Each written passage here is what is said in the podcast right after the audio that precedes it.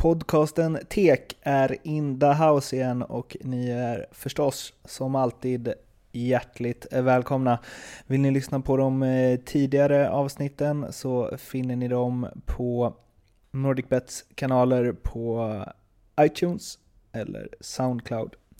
Jag som pratar heter eh, som vanligt där med, Mårten Bergman och idag så är det mm, en liten specialare. Jag har nämligen träffat eh, Johan Svensson, kanske för de flesta av er mer känd som Mr Madhawk, succébloggaren som eh, numera huserar på Kvällsposten. Och jag har inte träffat honom en gång, utan jag har träffat honom två gånger och med nästan ett års mellanrum. Varför det blev så, ja, det har sina anledningar, men Eh, det, så är det i alla fall och jag spelade in det första avsnittet eh, den 28 november tror jag 2014. Och eh, ja, jag tycker att det, det håller än, även om det inte kom ut då som tanken var. Men det har ju hänt en del sedan dess så därför så kompletterade vi med cirka en halvtimmas snack den, eh, för några dagar sedan, eh, närmare bestämt den 28 september, vilket får mig nog eh, att tro att kanske var 14 november och inte 28 november förra året som vi hade första snacket. Men det spelar ju inte supermycket roll för er skull. Om ni har eh, synpunkter, åsikter, eh, önskan om vem ni vill höra den här podden framöver så är det bara att eh, leta upp mig på Twitter. Där hittar ni mig på marten med th Bergman. Men eh, ja, som sagt, vi kör. Första intervjun eh, inspelad för ett år sedan och eh, sen så på slutet blir det en liten specialklippning in till den senaste intervjun. Alltså Johan Mr Madhawk Svensson. Mycket nöje. När jag gick på idrott första gången i stan så var det med min morbror som jag följde med på fotboll. Eh, början på 90-talet, precis efter MFFs storhetstid. Mm. Eh, sen, eh, sen blev det inte hockey från senare, så jag missade ju egentligen hela storhetstiden i hockey. De tog guld 92, 94, Europa 93. Eh, då var jag, 92 var jag 8. Mm. Så jag började inte gå på hockey från, eh, egentligen inte förrän det blev Redox. Och det var ju 96, då var jag 12. Mm och började gå på ståplats redan då. Mm. Um, var det den coola loggan som lockade dig dit? ja, det kan jag inte förstå. Jag, alltså jag var ju faktiskt, um, jag kollade ganska mycket hockey på TV så. Um, när de vann guld. Men då, alltså det var sånt jäkla tryck efter biljetter i den här stan. Mm. Så att det gick inte att få tag på biljetter allt som oftast. Och det var kanske inte lämpligt att gå på ståplats när jag var 8-10 år. Mm. Eh, så att jag har ju, jag har haft koll på det men någonstans har det inte blivit att man har kunnat gå för ändå för att mm. det har bara varit dyra sittplatsbiljetter och Mussan var kanske inte så benägen att betala de pengarna för det. Um, så jag var på min första match då någon gång men inte permanent förrän uh, typ 96 och framåt och sen så tog det ordentlig fart typ 99-00 när man var lite äldre och kunde åka på lite bortamatcher och sånt. Mm. Uh, har du spelat själv? Nej, alltså jag har bara spelat fotboll och uh, bordtennis. Jag slutade väl med fotboll när jag var 15-16 någonting. Okay. Kan du stå på ett par skridskor? Uh, jag kan stå på dem. Alltså, det var ju någon sån sponsorhockey på Hovet här innan VM för, ja det var förra våren där, andra VMet i Stockholm. Mm. Då jag trillade i alla fall inte en enda gång men det, det, det gjorde vissa andra. Men, äh, det, var, det är stappligt. Alltså hade jag fått ett par träningar hade jag säkert kunnat stå på grillorna men... Äh, Baklängesåkning? Tveksamt. Hur utvecklades det från att äh, på ståplats till, till det där du är nu? Eller om man säger till där det som är nu började? Liksom. Alltså rent konkret så var det Malmös VD Magnus Salbring som sa till mig att du borde sitta uppe i presslogen och inte vara här på läktaren. Det, borde, det ger dig mer seriöst intryck. När, började, när var det? Salbring var ju VD, alltså det var ju så sent som typ 2010 eh, som han sa det till mig att ah, du borde sitta uppe i presslogen. Det ser inte bra ut om du sitter på läktaren och gapar. Jag satt på sittplats eh, sista åren innan jag, innan jag flyttade upp där till presslogen. Så då sa han till mig att ja, du har nog mycket att vinna på att flytta upp där och bli mer seriös. Mm. Så ja, men det låter väl som en ganska bra plan. Eh, Men så- hur, hur startade hela Mr Madhawk? Eh, alltså egentligen, egentligen så startade det väl på så sätt att jag... Eh, det var rätt så trendigt att blogga och så. 2007 började jag. Mm. Jag hade en liten blogg som ehm, jag körde typ något år innan, 2005, 2006. Mm. Eh, men jag visste någonstans att jag ehm, kunde leverera grejer för när vi um, härjade som mest i början på 2000-talet, vi var ett gäng som reste runt på alla matcher och så. Så hade vi en hemsida som hette madhawks.com. Mm. Och ehm, vi kallar oss det för att eh, vi stack ut lite, Madhawks Mm. galna hökar. Ehm, och, då, ehm, och då skapades idén till Mr Madhawk då. Alltså, Mm.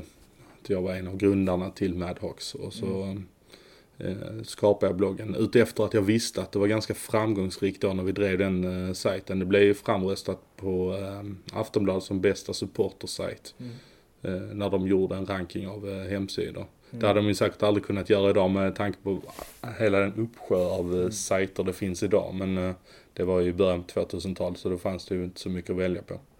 Hur, hur tog det här fart då? Alltså, jag tänker, var det bra respons direkt och hög trafik eller gjorde du det mest för, för din egen skull? Liksom? Alltså från början var det nog för min egen skull och sen så, alltså man hade ju ganska bra krets av eh, fans som kände till en och man spred i forum och, Mm. och så.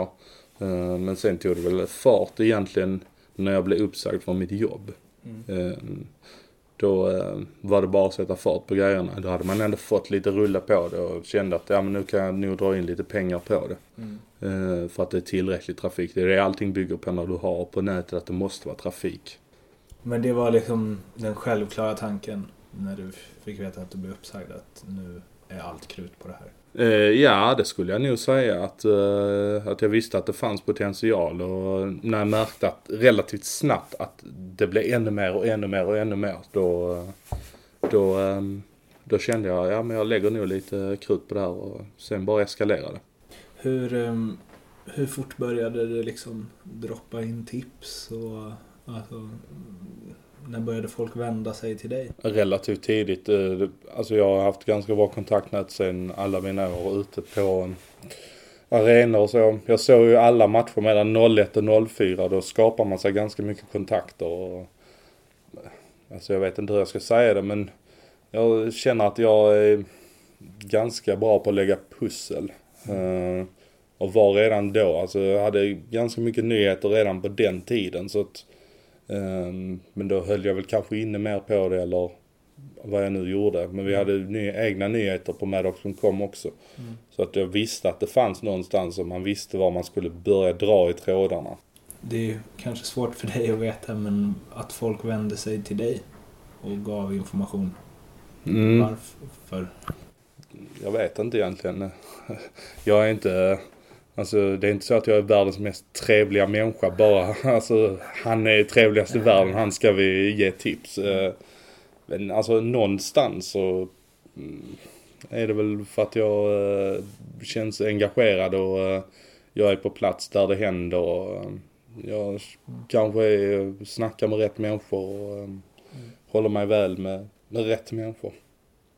Hur ser du att, att din relation till Malmö Redhawks har utvecklats under den här tiden? Ja, alltså det, det går nästan i vågor får man säga. Det beror nä, nästan lite på vem det är som, eh, eller vilka det är som sitter i ledningen. Om man, men om man ser rent så här personligen, alltså hur Malmö Redhawks har eh, hur mycket del det är av ditt liv och hur liksom hur du ser och tänker kring det och hockey och så. Hur har det utvecklats allt, allt eftersom att det här har blivit ett jobb liksom? Nej men alltså jag tycker ändå de har agerat ganska proffsigt. Alltså, från början var det väl kanske mer att eh, de anser sig eh, på något sätt att jag skulle gå klubbens ärende. Kanske de trodde i början mer. Eh, men det är mer att de fattar nog att det här är ett jobb för mig.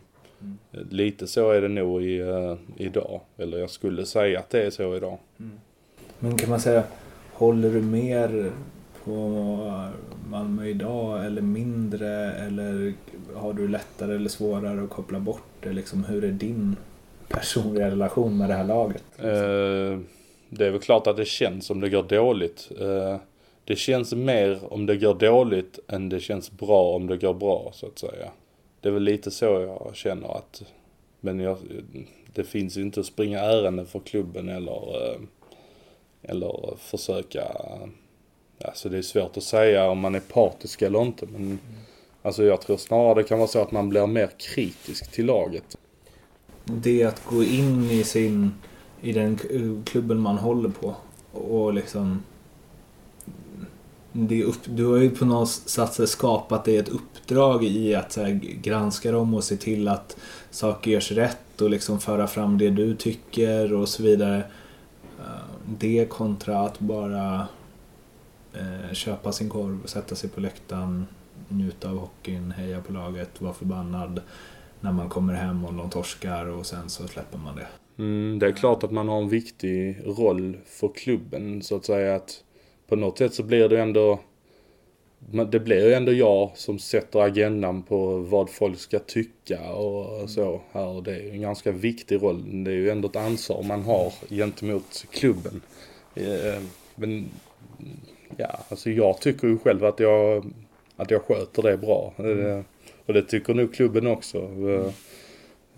Det är ingen som har sagt någonting så men det är inte ofta folk säger någonting utan går väl mest och muttrar i och för sig om de tycker någonting.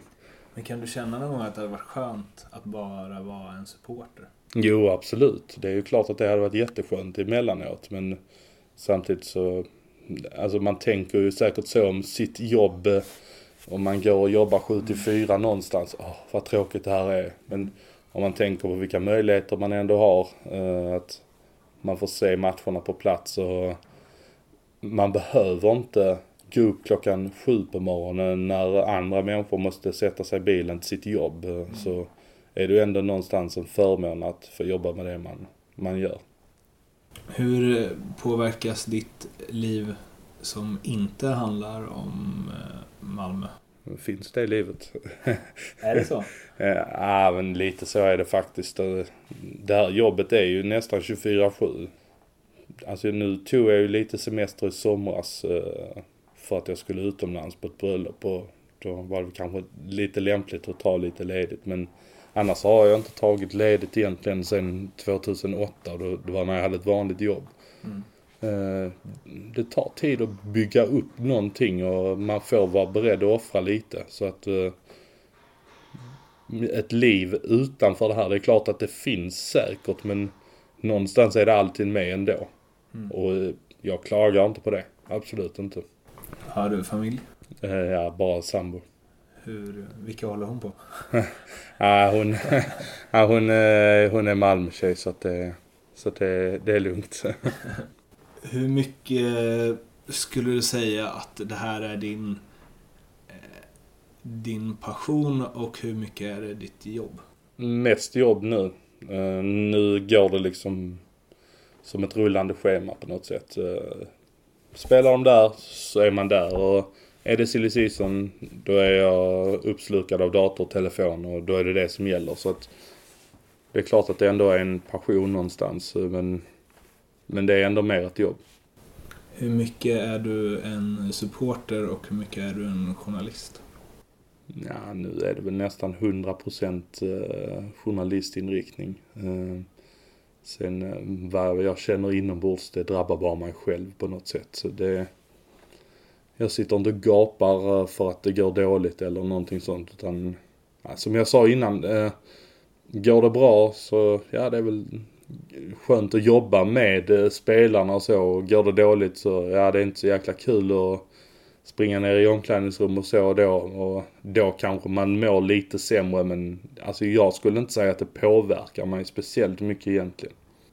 Är det roligare att gå till jobbet eh, eller tycker du att ditt jobb är roligare när det går bra för Malmö? Ja, det är, det är klart att det är roligare eftersom det är det laget som jag bevakar så pass hårt. Så det blir bättre humör och allting på spelarna.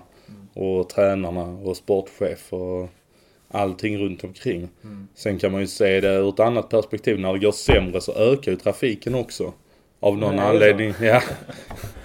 ja men då vill ju folk vara inne och läsa. Vad är det som händer? Vad är det som händer hela tiden? Och Mm. Eftersom jag har eh, lite provisionsbaserad del så är det klart att det, det värmer bättre i plånboken om det går dåligt för laget. Gör du ett bättre eller sämre jobb om det går bra versus dåligt för Malmö? Ja, det vet jag inte. Det, går det dåligt så kanske det blir lite förändringar i truppen och så. Då har man någonting att skriva om och kan jaga ifatt nyheter. Går det bra så händer det kanske inte så mycket. Då, då kanske det inte... Då händer ju inte så mycket i trupperna så då, då kanske jag gör ett sämre jobb. Anser kanske folk.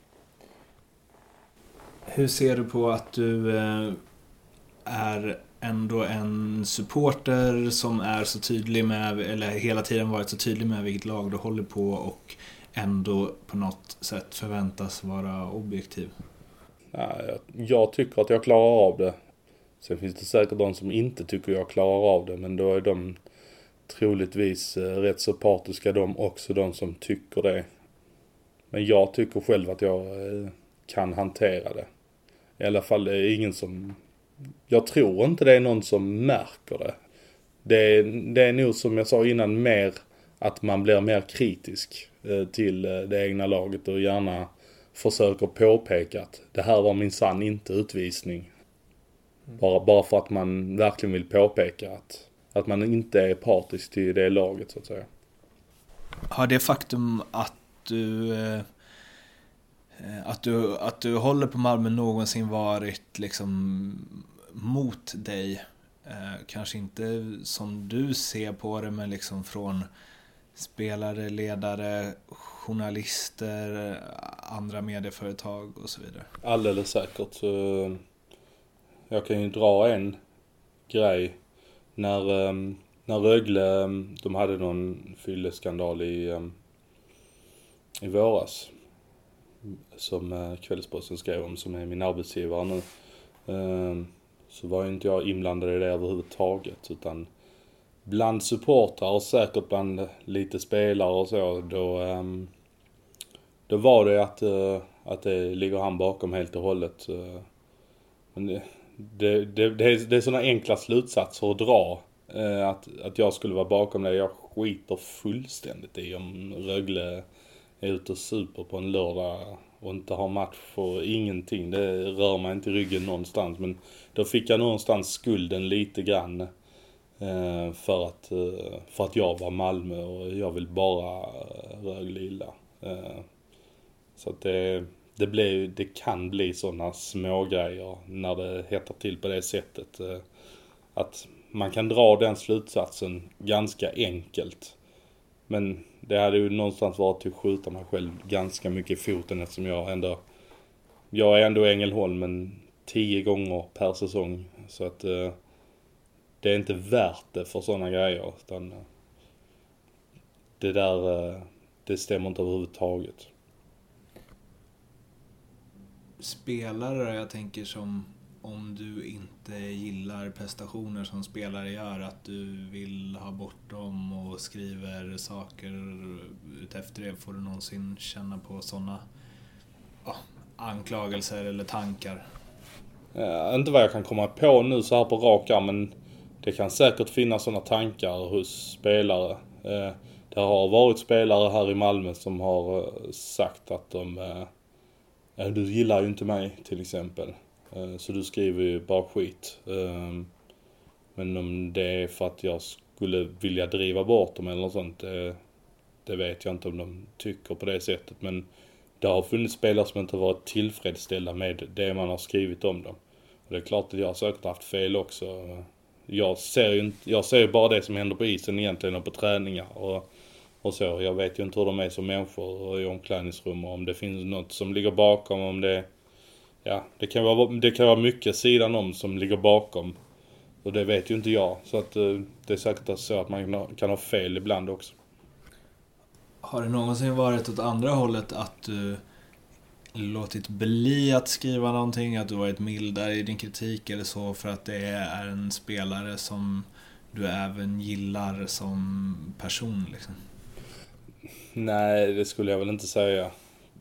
Kanske eh, omedvetet i så fall. Eh, eh, det, men jag tror inte, det är ingen inställning jag har eh, så. Sen brukar jag ändå försöka att inte vara för kritisk och det gäller rent generellt utan just som jag sa där att man vet inte alla och det har jag nog lärt mig eh, alltså på senare år att man vet inte allting som ligger bakom. Man kan inte bara gå efter det som syns ute på isen. Mm. Därför så försöker man ändå hålla sig något mer nyanserad och kanske hitta orsaker och kanske prata med, med sportchefer eller uh, vad som helst uh, för att få en större bild av allting och sen i så fall ta det. Ser, din, ser, din, ser ditt sätt att berömma och kritisera annorlunda ut än när du bara stod på ståplats? Liksom? Ja, alltså på ståplats var det ju, då var man ju vansinnigt ärlig. Eh, då, då kunde det hända både det ena och det andra. När jag var som mest aktiv så uh, har jag till och med blängt spelare i ansiktet och sagt att um, jag vill aldrig mer se dig i den här föreningen. Namn? På den jag gjorde det på? Ja. Eh, Peter Hammarström. Hur reagerade han? Eh, han, eh, han såg ganska rädd ut, vilket jag inte fattar för jag är inte så mycket att vara rädd för. Men eh, han bara tittade mig i ögonen och typ stack därifrån. Eh, det, var, det var det året Malmö åkte ur elitserien, eh, 2005. Eh, så efter matchen så var det så jäkla mycket frustration överallt. Och då sa jag bara till honom, och han hade ju underpresterat hela säsongen egentligen. Du ska bort från den här föreningen. Men där vidtog klubben också åtgärder. Och såg till att, uh, att jag fick mig en ordentlig tillsägelse och det var väl till och med så att jag inte fick gå på någon match där i slutet av den säsongen. Fast han han lämnade ju faktiskt klubben efter säsongen också men det hade ju naturligtvis inte med det att göra. Så hör han detta nu så kan jag väl be om ursäkt för det nu då. Skäms du över? Ja men det är väl klart att det är inte så jäkla lämpligt att, att springa runt och blänga spelare i ansiktet. Han är ju väl medveten om sin prestation mm. någonstans. Så att, uh, nej det var väl, det var uh, spontant agerat och ganska idiotiskt med facit i hand. Var, var det liksom ute på stan eller var det? Ja, det, var precis, det var precis utanför Malmö isstadion. Det var när spelarna kom ut eh, därifrån. Visste han vem du var? Alldeles säkert. Eh, hade ju varit på så mycket matcher den säsongen. Men om han, han visste vem jag var som människa eller om han bara visste att det var någon som åkte och följde laget mycket, det vet jag inte. På huliganskalan, är det det högsta du gjort? Ja, det skulle jag väl säga. Så att eh, då får man väl säga att jag är ganska oskyldig. Eh, ja, alltså rent fysiskt sett så är det att jag har eh, dragit en stol rakt in i plexiglaset. Det är, det är kanske det värsta jag har gjort. Mm. Det eller Hammarström, vilket var dummast? Ja, Hammarström var ju nog klart dummast av de två. Mm. Att dra en stol in i ett plexiglas. Det, vad föranledde detta? Eh, när jag gjorde det, det var mm. samma match. Siktade på honom? ja, exakt. ja, det var, eh, jag tror det var när, eh, det var när Malmö mötte Brynäs i eh, kvalserien 2005. Så det var, det var nog när de gjorde i tom kasse eller när de avgjorde matchen eller någonting i den här stilen. Och det konstaterades mer eller mindre att Malmö kommer att åka ur elitserien. Uh, var det efter det de typ så slog Skellefteå med 11-2? Ja, exakt, ja. exakt. Det var den säsongen de slog Skellefteå med 11-2. Mr Madhawk-effekten. Ja, exakt. Hammarström gick in och gjorde typ två eller tre mål i den matchen också. uh, jo, men det var den säsongen uh, som de gjorde det. Mm. Men, ja, det, kan, det, det, det, var kanske så att det släppte lite för spelarna då att de fick ut kapacitet. De hade ändå ett hyfsat bra lag. Mm. Det var lockout-säsongen och mm. Ja. Har du, har du någonsin låtit bli att eh, skriva någonting alternativt skriva istället, alltså att du skriver någonting för att eh, någon representant för klubben har bett dig att göra det eller bett dig att avstå? Uh, nej. Uh, det skulle jag inte säga att jag har. Uh, inte, inte så uttalat från Malmö i alla fall utan det har väl mer varit att man har kanske låtit bli att skriva någonting för att någon har sagt ligg lite lågt med det men jag ger dig grejen sen. Mm. Och får man inte den sen så finns det säkert sätt man kan ge igen och med det senare. Men alltså de flesta människor så som man arbetar med, sportchefer, agenter, spelare, allting. De är ganska måna om att ha en bra relation. Så att det, man, blir, man blir inte sviken på det sättet. Det, har, det är många som håller sina ord och säger dem att ja, men ligg lite lågt med detta så får du detta sen. Och skulle det då skita sig på ett eller annat sätt så får man alltid igen det på ett annat sätt senare. Så att eh, man har avstått på det sättet. Men inte just för att det är Malmö utan det är mer för att måna om bra relationer med allt och alla. Har folk blivit mer måna om relationen med dig utefter att eh, din blogg har växt? Ja, det skulle jag nu säga att, eh, att folk har blivit. De vet ju ändå om att det är ganska mycket trafik och ja, det skulle jag säga som ett rent svar på den frågan. Mm. Förutom Peter Hammarström då? Eh, har du haft rejäla konflikter, problem med ledare, spelare för den här föreningen? Ja, alltså jag hade ju en dust med uh, Bobo Simonsen och, och Torgny Bendelin. Det var precis i början när jag, när jag skrev lite grejer. Då blev det ganska känsligt sådär. Då var det så pass nytt med allting att jag kom åt lite eh, övergångar och lite så innan det kom ut officiellt. Då blev jag nerkallad en söndag eftermiddag. Jag fick ett mail från presschefen på förmiddagen. Ja, de vill prata med dig.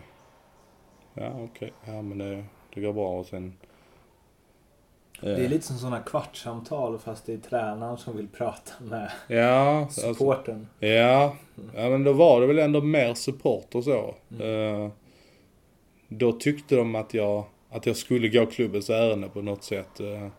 Men då fick jag så pass stor uppbackning av alla andra som läste så att jag ska minsann inte gå klubbens ärende och det var även från Malmö-supportrar.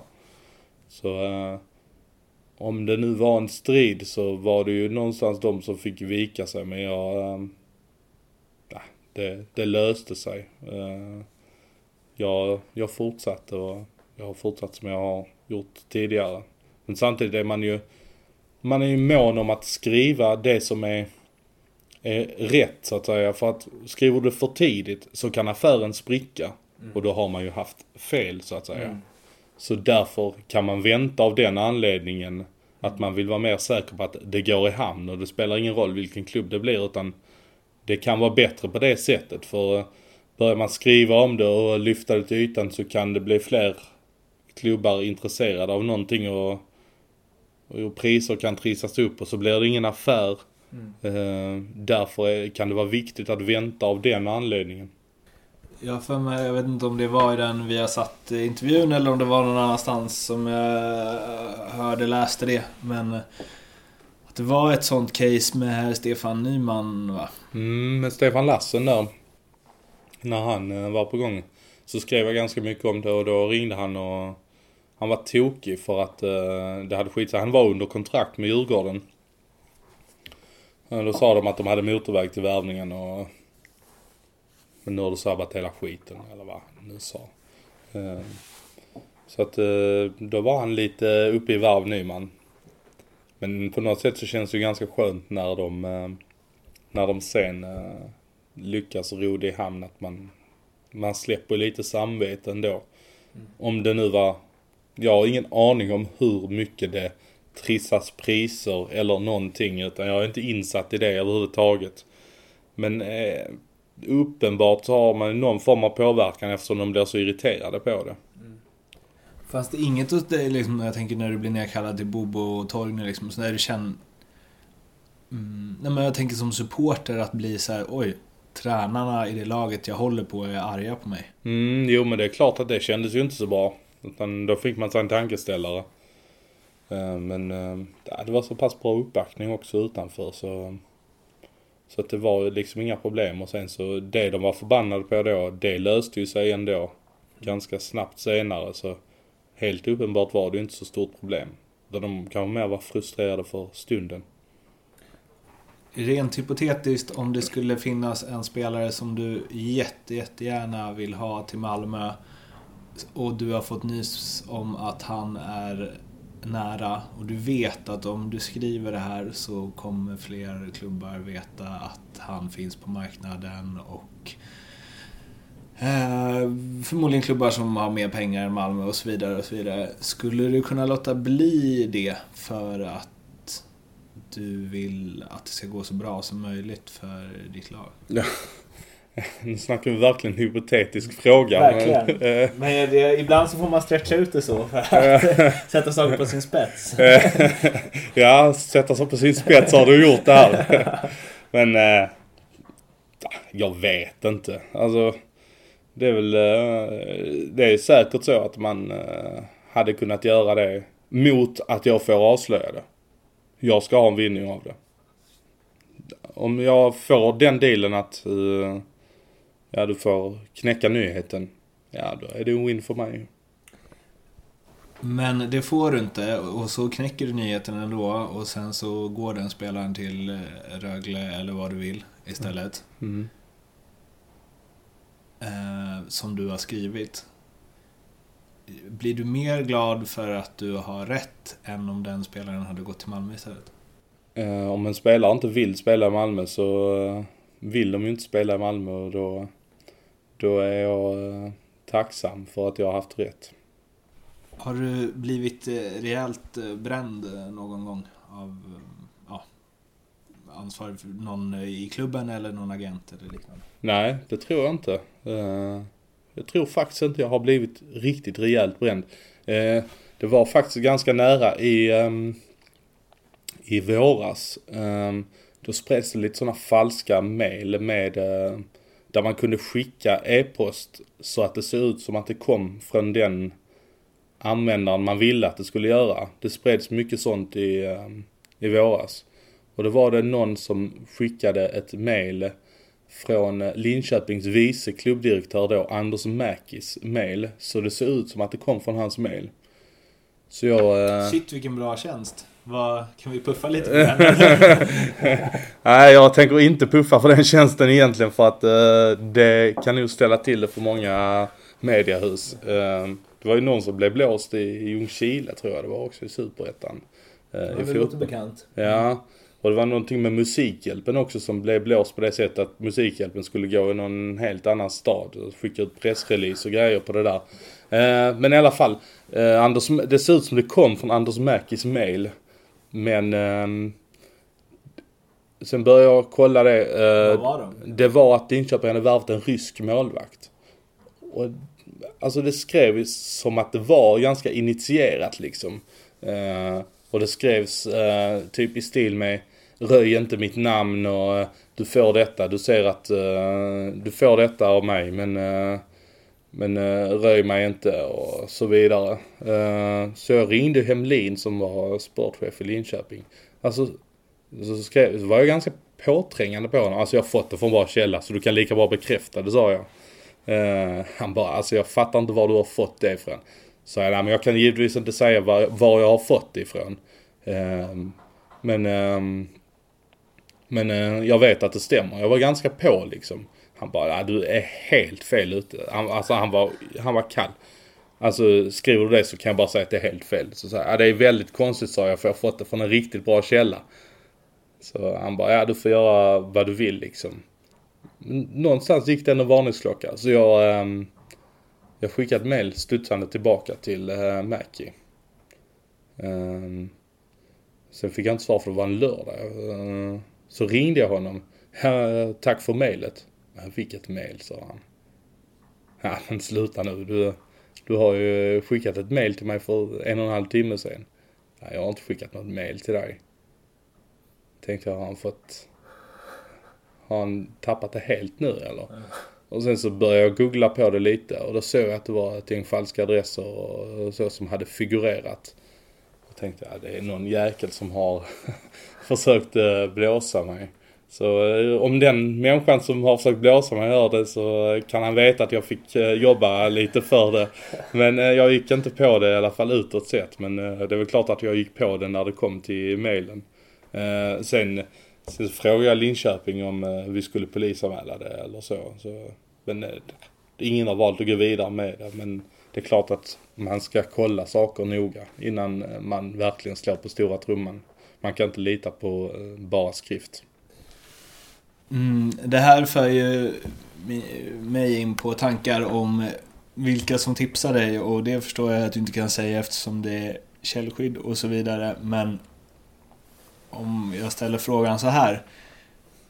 Finns det till exempel eh, Tror du att det finns sportchefer eh, eller folk som håller i övergångar i klubbar i landet som skulle bli förvånade om de visste vart du får dina grejer ifrån?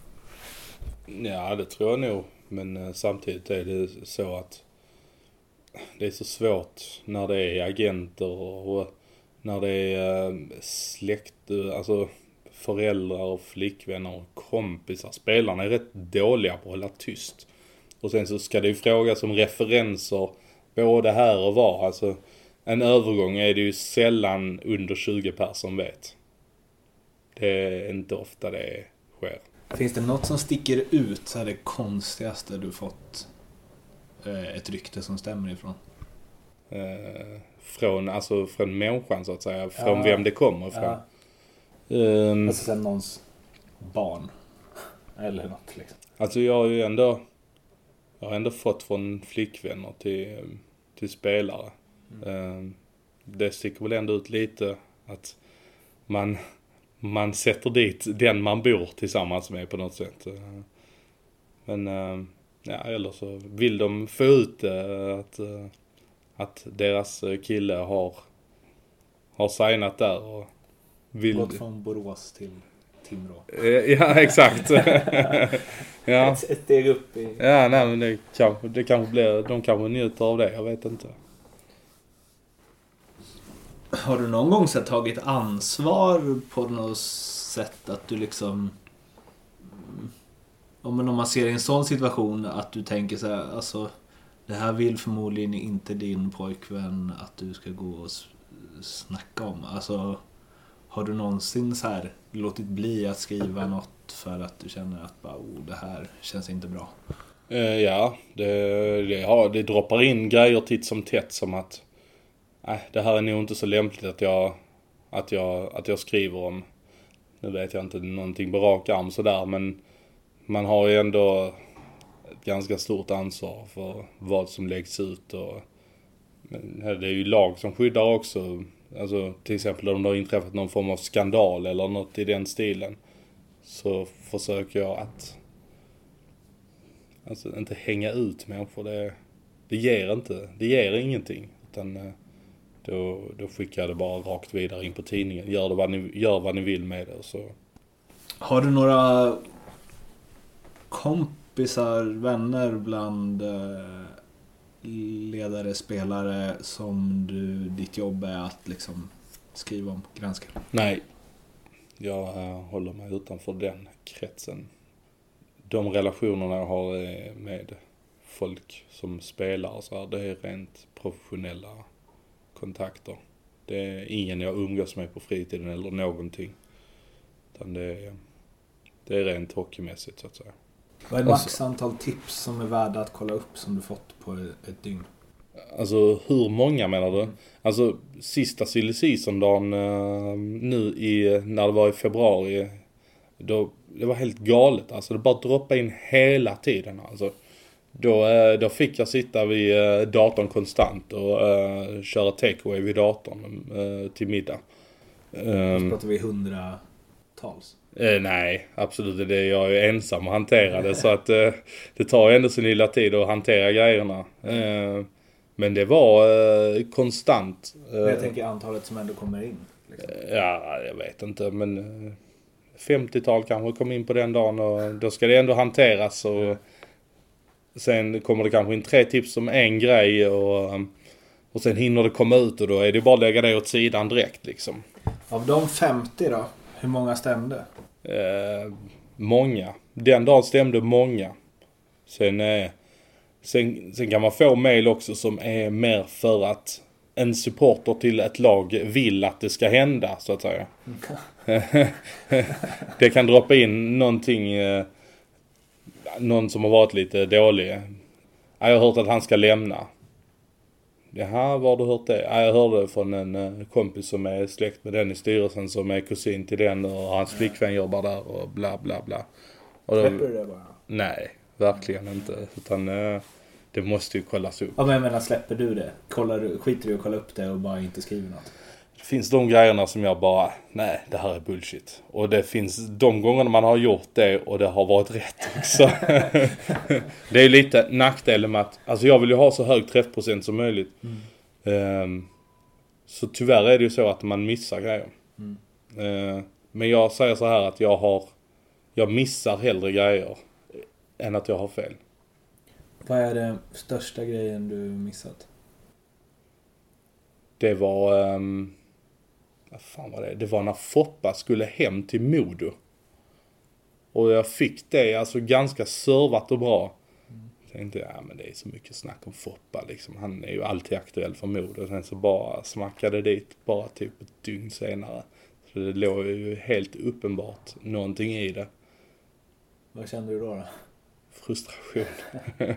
eh, nej, det var jättefrustration. Eh, men det var också värre förr. Att när man missar en grej att, fan alltså, det kunde bli riktigt tokig. Värre än vid en uh, hockeymatchförlust? Ja, definitivt. Det, det är en värre förlust på något sätt. Mm. Alltså, det här med att ha nyheter, det känns som att det är ett underhåll man måste hålla igång eh, hela tiden. Mm. Eh, har man inte haft någonting på typ två, tre månader eller någonting. Och det kan ju bero på helt andra saker som att det har till exempel stått helt still eller alltså då känner man sig så jäkla värdelös. Eh, men så här, vad är det mest, eh, vilken, vilket avslöjande är du mest stolt över? Alltså det är inte så att jag har ansett de fetaste NHL-övergångarna men det är så många olika små. Det, jag skulle mer säga att jag eh, gillar mer att det har varit sån bredd på det. Eh, att det har varit någonting i varje klubb i Allsvenskan eller SHL någonsin. Det, det finns ju ingen klubb som du kan räkna upp som jag nog inte har knäckt någonting på. Mm. Eh, det tycker jag är nästan bättre än någon enskild grej för att det, det är så mycket övergångar så att det spelar ingen roll eh, att jag knäckte någonting för två månader sedan. Utan eh, det senaste skopet är det bästa. Vilket är det som du är... Vilken är den som är den största missen?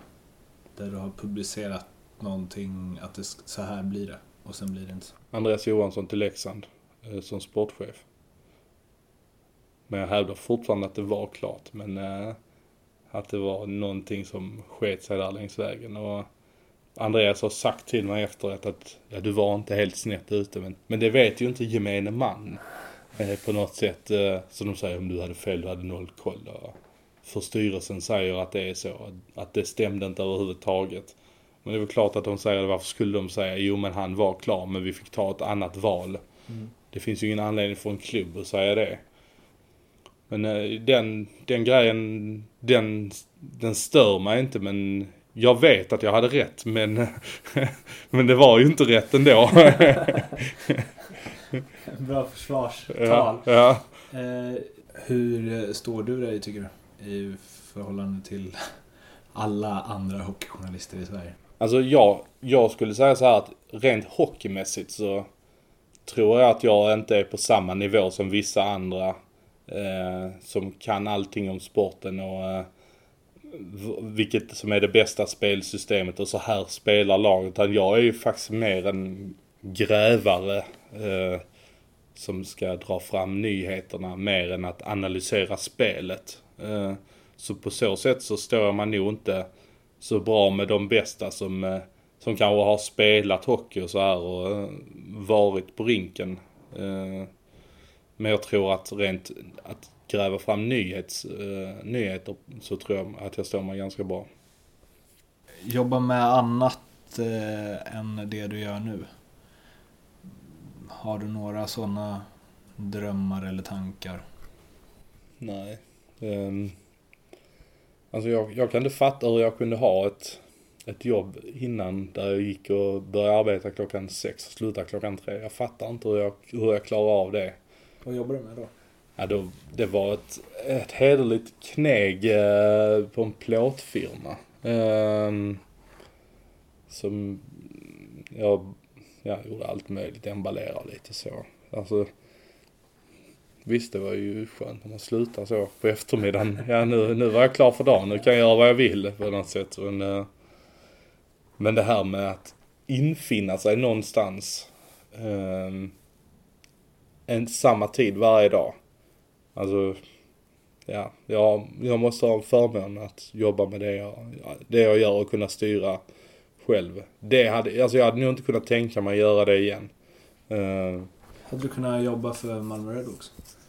Uh, ja, det kan, hade jag säkert kunnat göra i, i framtiden. Men uh, de är säkert så snåla med lönen så det hade jag väl inte. Tror du att du var inne lite på det, att du känner att du kanske inte kan, av journalister i alla fall, att du kanske inte är den som kan mest om hockey. Hade du velat eh, jobba med hockey hockey på det sättet. Alltså, vad vet jag, agent eller liksom scout eller något sånt. Ja, det är rätt roligt med det där med agent för att uh, alltså, det är nästan så att eh, sportchefer har kallat mig agent emellanåt när man har tipsat om att den här spelaren är ledig och eh, ni kanske skulle kolla på honom. När Rensfeldt värvades till Malmö så uh, sa jag till Sylvegård, alltså det var ju eh, säkert tre veckor innan eh, att har du kollat Ludvig Rensfeldt för han är ju ledig. Eh, och jag har hört att han vill spela i Allsvenskan. Ehm, nej, jag har inte hört med honom så eh, eh, jag skickat mail och sa det liksom till honom och då hade han ju inte kollat det. Men uh, då frågade han vem det var som var agent och då, ja, då visste jag det på rak arm. Så ja men ring hör med honom. Så kanske du kan kan få det i hamn och sen så hade de det i hamn eh, tre veckor senare. Mm. Så där, där lekte jag väl lite eh, låtsasagent eller någonting. Mm. Fick du procent? Nej, det var, nog, det var nog för svag lön också så det var inte lönt. men alltså för att svara på frågan där om jag hade kunnat göra det. Ja det hade jag säkert kunnat göra men jag tror att det här är rätt uppgift för mig. Sen är inte jag säker på att jag ränner runt och åker på alla Malmös matcher om tio år. Och, utan då kanske jag sitter mer stationerad och gräver på nyheter. Men jag tror ändå det är mer det jag ska göra än att stå och analysera hockeymatcher i en tv-ruta eller någonting i den här stilen. Spelarna brukar jag fråga vem den bästa spelare de spelat med eller mot är. Vem är den bästa du har sett? Live, ja det är Foppa. Den bästa insats du sett då? Eh, Foppa Rögle borta. Eh, när han eh, tog tag i grejerna själv och gjorde ett helt sjukt mål och, som räddade poäng till Modo den matchen. Det stod 1-0 till Rögle och Modo hade ingenting att komma med och då var det på något sätt som att han tog tag i det själv och bröt in från högerkanten och höll bort eh, spelaren och eh, bara bröt in framför mål och bara gjorde det precis som att det var världens enklaste grej. Vad tjänar du? Eh, pengar. Hur mycket? um, ja, vad tjänar jag? Hur ska jag svara på den frågan uh, utan att mina chefer dödar mig? hur många spelare i Malmö Redhawks trupp har lägre lön än du har tror du? Um, Av de som har lagskontrakt? Inte många en hand? Det är nog mindre än en hand alltså som har eh, som har eh, lägre pengar än vad jag har. Jag, jag tjänar nog inte... Men då å andra sidan snittlönen Malmö Red också väldigt hög. Nej. Nej men alltså, alltså det är klart jag jag klagar inte på mina pengar. Eh, men eh, jag, jag blir inte miljonär på det utan eh, det finns många som tjänar mer än vad jag gör. Du får väl kolla eh, nästa gång jag redovisar till Skatteverket vad jag tjänar. Spelarna har fått svara på om de fick regissera sin eh, sista match helt och hållet. Hur gamla de är, vilka de spelar mot, vad som händer i matchen och så, hur det skulle se ut. Om du fick regissera den sista, ditt sista avslöjande. När skulle det ske och vad skulle det vara?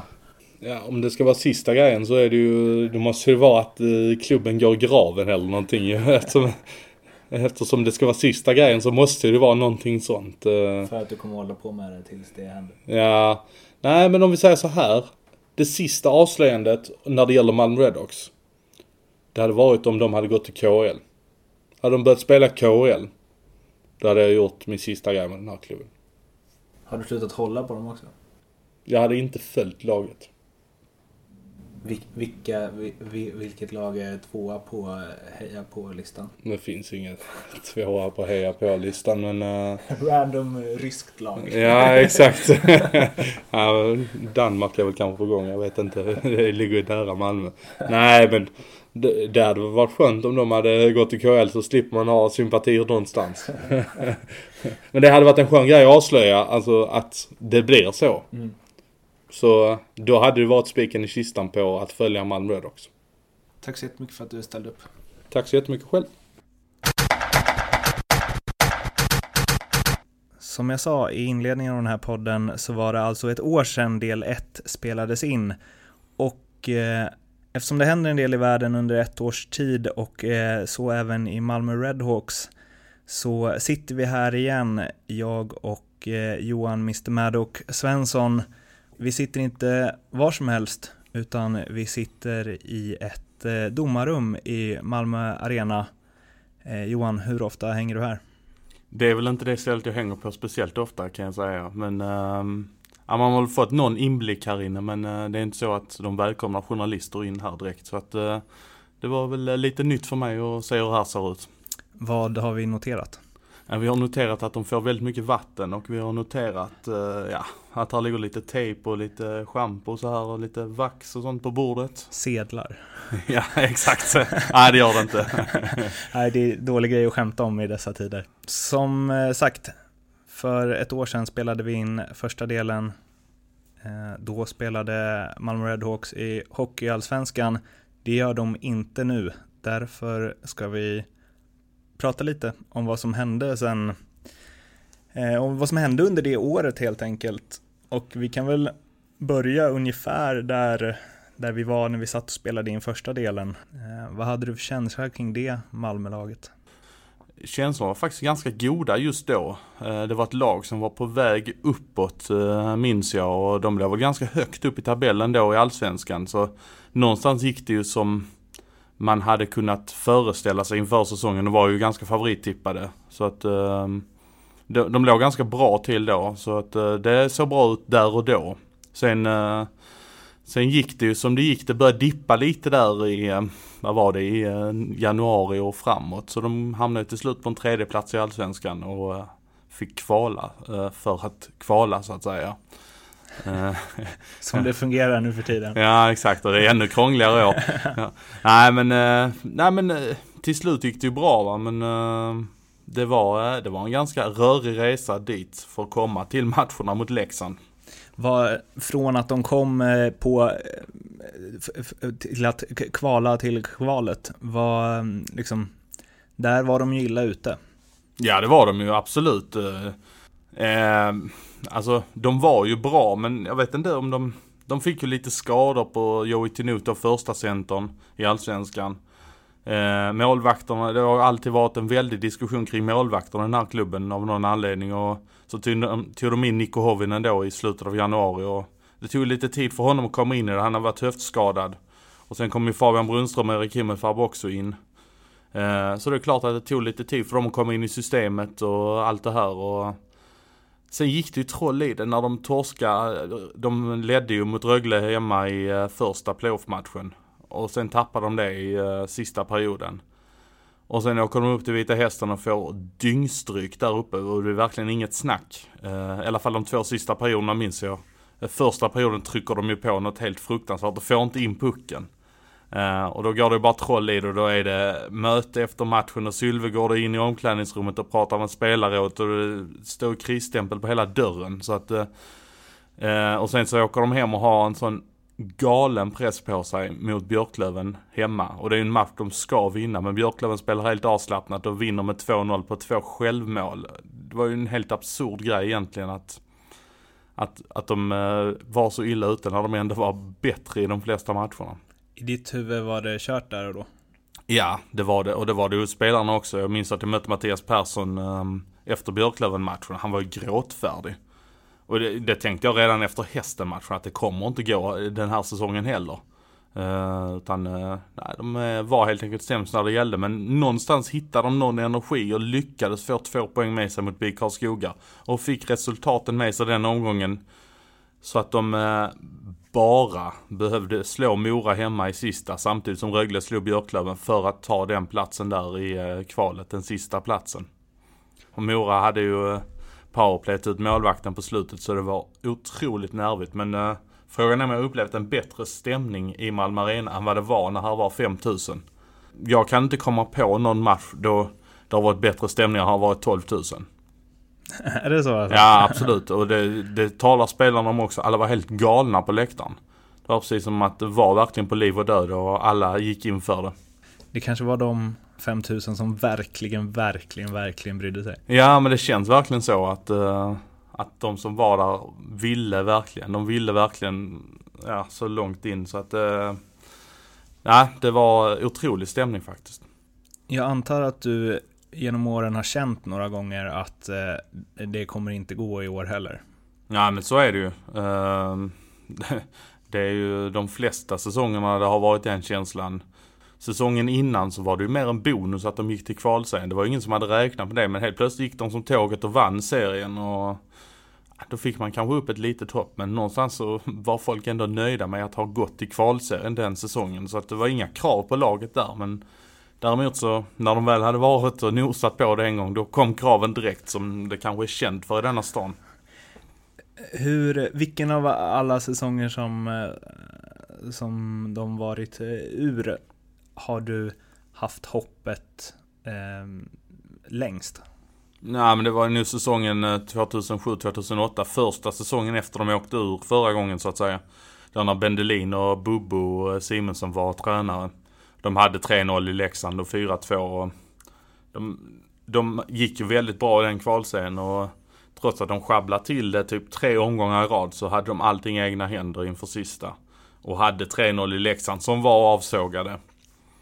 Så någonstans så sjabblade de ju bort det där och sen har de egentligen inte, inte varit speciellt nära efter det utan det har blivit lite ekonomiska problem och ja det har varit det har varit två rekonstruktioner efter det. Så att uh, de har varit riktigt djupt nere. När det blev klart då att det skulle bli uh, Malmö-Leksand, eller Leksand-Malmö. Vad mm. kände du inför den serien? Att uh, nu har de ju allt att vinna bara. Att även om jag, alltså jag, jag, tror spelarna mer kände det att okej okay, nu, nu har vi räddat säsongen. Jag tyckte inte det med tanke på vad de hade satt ut för mål inför säsongen så de sa att de ska upp och detta var den stora chansen denna säsongen som gick. Eh, så jag tyckte ju inte att de hade räddat säsongen för att de hade krånglat sig till en match mm. mot eh, Leksand utan Vann de den så hade de räddat säsongen och gjort det den mest krångliga vägen men de hade inte på något sätt räddat säsongen för att de mötte Leksand. Det tycker jag inte utan det var ett krav som var rimligt att ställa på det laget att de skulle vara ett av fyra allsvenska lag som faktiskt fick kvala. Um, om det har undgått någon så kan jag ju säga det nu att Leksand är eh, mitt eh, Malmö. Ja. Eh, och det kändes ju som att ehm, så kanske alla supportrar känner, men när det blev Leksand mot Malmö så kände jag så här, shit det här är ju två lag som bara kan misslyckas. De två lagen som alltid eh, sumpade ja. möttes ju. Så det var ju så här, nu, kan ju, nu kunde ju inte båda göra det för en gång sedan, vilket väl gjorde, det blev ju en väldigt uppmärksammad serie. Mm, absolut. Jag var ju väldigt inne i bubblan när den väl var så att jag har väl ingen direkt upplevelse hur det var utifrån sådär utan eh, för mig var det bara en väldigt stor grej att spela en sju matcher serie. Jag har inte upplevt det. Alltså jag tyckte det var en jävligt häftig grej måste jag säga. Mm. Just den här sju matcher serien. Det blev ju min tes där att det var två lag som eh, bara kan sumpa det. De två första matcherna speglar ju det också lite, att Leksand gick upp till 2-0 och hade full kontroll och sen bara rasade ihop. Mm. Och sen gjorde Malmö samma sak i sin hemmamatch eh, och rasade ihop. Ja, det blev väldigt mycket nerv i det. Att man, hade, man var rädd om det man hade på något sätt. Så mm. att, eh, visst, jag köper den analysen fullt ut. Men sen släppte Malmö på något sätt loss. Och eh, kände att de ändå var bättre än Leksand tror jag faktiskt. Att eh, släpper vi bara loss så kommer vi ta dem. Det tror jag de kände faktiskt. Och jag tror Leksand drabbades väldigt hårt av alla skador också som de hade. Mm. Eh, Ryno var ju inte helt hundra och eh, Rittola försvann och Käkkonen blev avstängd. Mm. Eh, så att de var rätt sargade där. Det tror jag. När släppte du loss och kände att det här kommer gå vägen? Nej men alltså jag kände ju när de torskade match 3, eh, lördagsmatchen där och hade, Leksand gick upp till 4-0 och Malmö var ju nära att äta kapp mm. det till 4, de gick upp till 4-3. Och så torskade de matchen ändå. Då tänkte jag, ja, går det så går det. Alltså om de bjuder loss på det här sättet så, så får det väl gå som det går. Mm. Um, och sen vann de ju hemmamatchen efter. Sen vann Leksand igen och då tänkte jag verkligen att ja, nu behöver Leksand faktiskt bara vinna en match till så är det, um, så är det godnatt. Mm. Och, men någonstans kände jag ändå att de hade, de var faktiskt ett bättre lag än Leksand. Mm. Så att, uh, och nu tog de match 6 hemma. Och då kände jag inför match 7, det här kommer de ta. Absolut. Det, Leksand uh, fixar inte en måste-match. Malmö hade sin måste-match i match 6. Mm. Där de var tvungna att vinna uppe i Leksand var det Leksand som var tvungna att vinna. Och det tror jag spelarna kände, och jag tror de vann på det faktiskt. Att de hade, det märktes ju när Leksand fick 1-0 också i matchen. Och så sumpade de straffen. Och sen så gör Malmö tre väldigt lätta mål får man ändå säga. Mm. I, um, de gjorde till och med fyra mål. Uh, Nils Andersson mm, gjorde ju... Exakt innan han gjorde. Ja. Mm. Så att eh, då kände, då kände nog Malmö att de kunde och att det var inga problem. De kommer lösa dem, de bara spelar avslappnat. Jag tror Leksand var mer nervösa i den matchen. Jag såg ju lite inslag som du gjorde, kan det varit dagen innan va? Från eh, hotell där i Tällberg. Just det. Um, och så här, feelingen i inslaget, det kanske är så här, att, jag, att jag hoppades på det andra laget, men feelingen i det var ju så här att, att Malmö kommer vinna.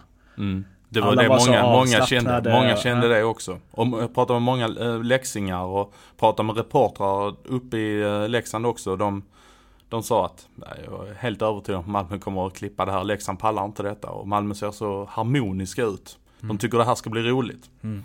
Var det någonstans här, all... Um jag är ju av nästan den bestämda uppfattningen att om eh, Ryno hade varit hel och Rittola inte hade trashat sönder så tro, eller då tror jag Leksand hade grejat det. Eh, för att de två spelarna i den, i den matchserien var ändå ett snäpp upp mm. än resten. Så, så var det ju. Samtidigt så får man ju inte glömma att det var Leksands försvarsspel som var dåligt Precis. också. Eh, men de hade ju gjort fler mål framåt och Malmö hade ju säkert darrat betydligt mer och de hade tillbringat mer tid i anfallszon och hela det här så att... Mm. Men, men kan man känna där någonstans att... Eh, eh, nej men att, att Malmö för en gångs skull eh, under liksom alla, alla bedrövelser du varit med om, att de fick med sig saker. Mm liksom lite flyt för en gångs skull. Ja men exakt. Uh, återigen där match 6 att de hade bara allt att vinna. Så att, uh, och efter det fick de bara flytet med sig. Så att uh, ja, jo, det kände jag absolut att det var de som var i det psykologiska överläget om de man kan säga momentum. så. Ja, ja, som det så fint heter. Det hedrar dig att du försöker snacka runt det ordet. ja, jag tror aldrig jag har tagit det ordet i min mun faktiskt. Vad, vad kände du? Vad, eller så här, om man delar upp dig i journalisten eh, Johan och supporten Johan. Mm. Hur eh, kände du? Under? Ja, alltså eh, ovanligt lugn ändå faktiskt. Ehm, Det var ju så fort de hade klarat det och de gjorde 4-2an i öppen kasse så var jag bara fokuserad på att komma ner till eh, rinken så fort som möjligt. Eh, jag vet ju Malmös presskille, han sprang ju och gjorde kullerbyttor i korridoren och hade sig. Han visste inte var han skulle ta vägen. Jag var bara fokuserad på att komma ner till rinken så fort som möjligt för att egentligen börja jobba och, eh, och gratulera. Liksom en sån som Sylvegård som Alltså jag menar vi har pratat dagligen sedan han tillträdde sin tjänst 2012 och det blir ju ändå någonstans lite känslor inblandat i det där. Även om man får försöka hålla isär det. Men just i det läget blir det ju ändå lite känslor. Så att eh, det var ju det första jag ville göra var att gratulera Sylvegård för att de hade lyckats. Han hade ju inte sett en minut av matchen heller. Så att eh, han var ju så nervös. Det var tur att det var han som var nervös, inte laget. Men eh, Nej, så att det var ju det första, att jag skulle ner och gratulera Sylvegård och sen var det egentligen bara att samla intryck och börja jobba. Men för vi pratade ju om det i del 1 här, eh, att eh, ibland kan du sakna att vara supporter.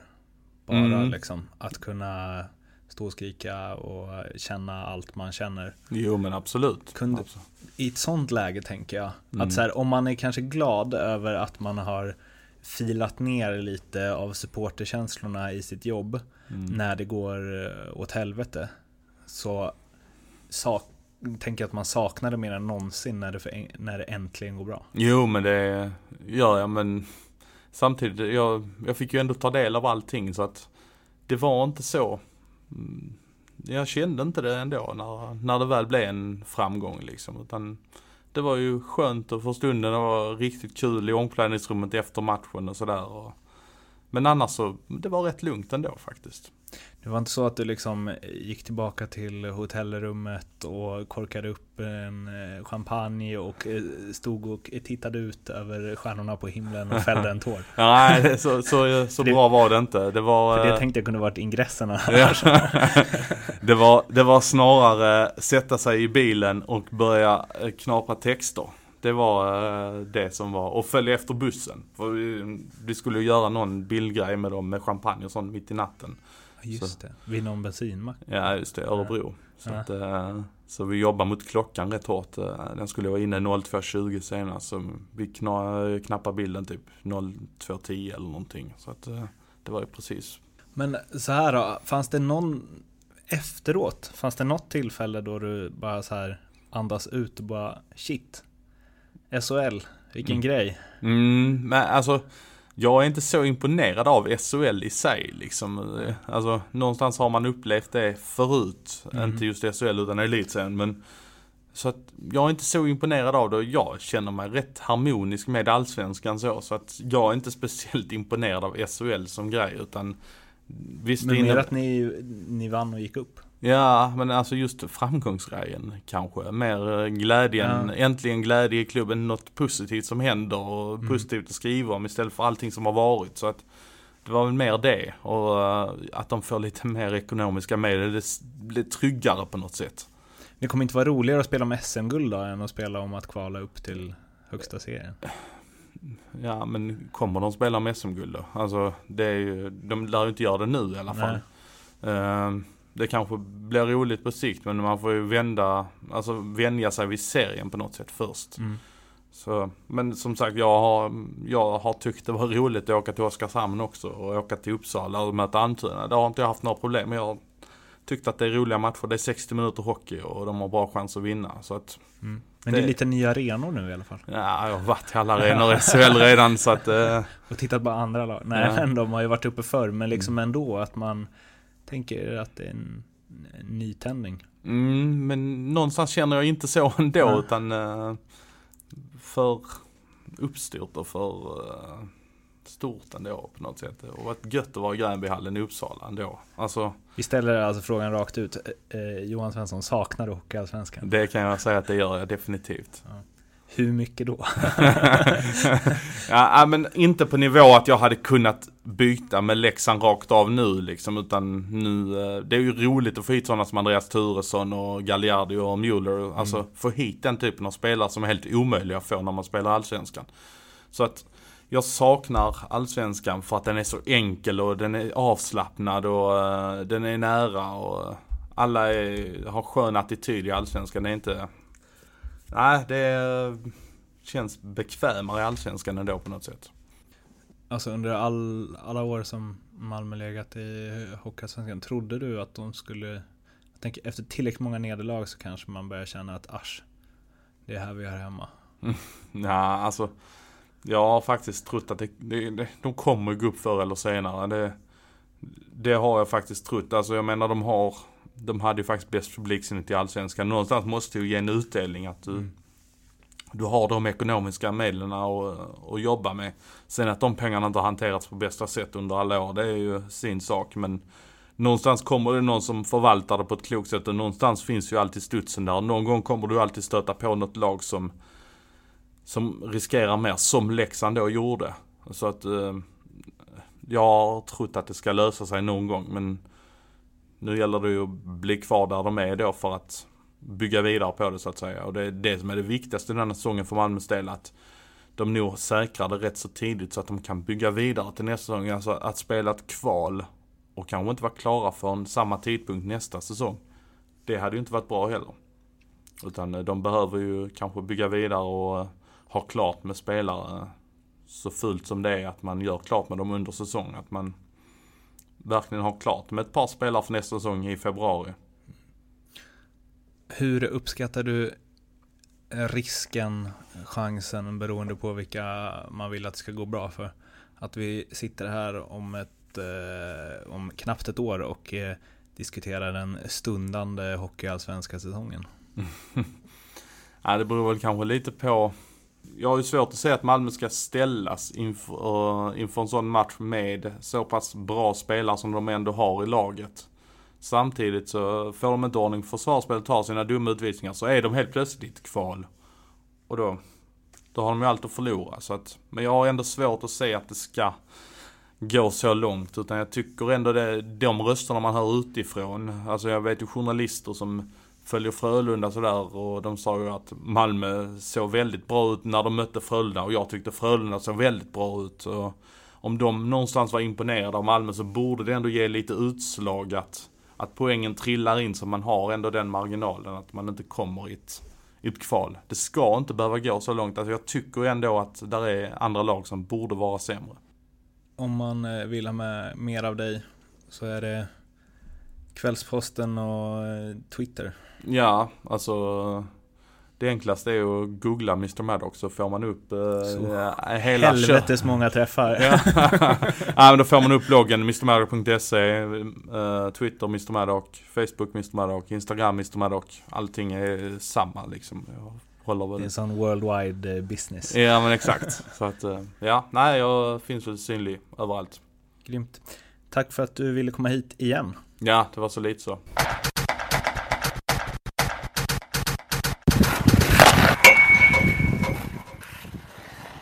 Två intervjuer senare så var vi klara för den här gången.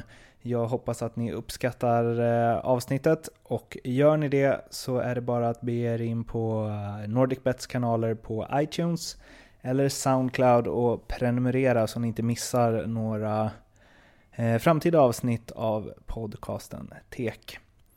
Nästa vecka så blir det ett långsnack med en Djurgårdsprofil Tills dess, ha det fint så hörs vi. Ciao!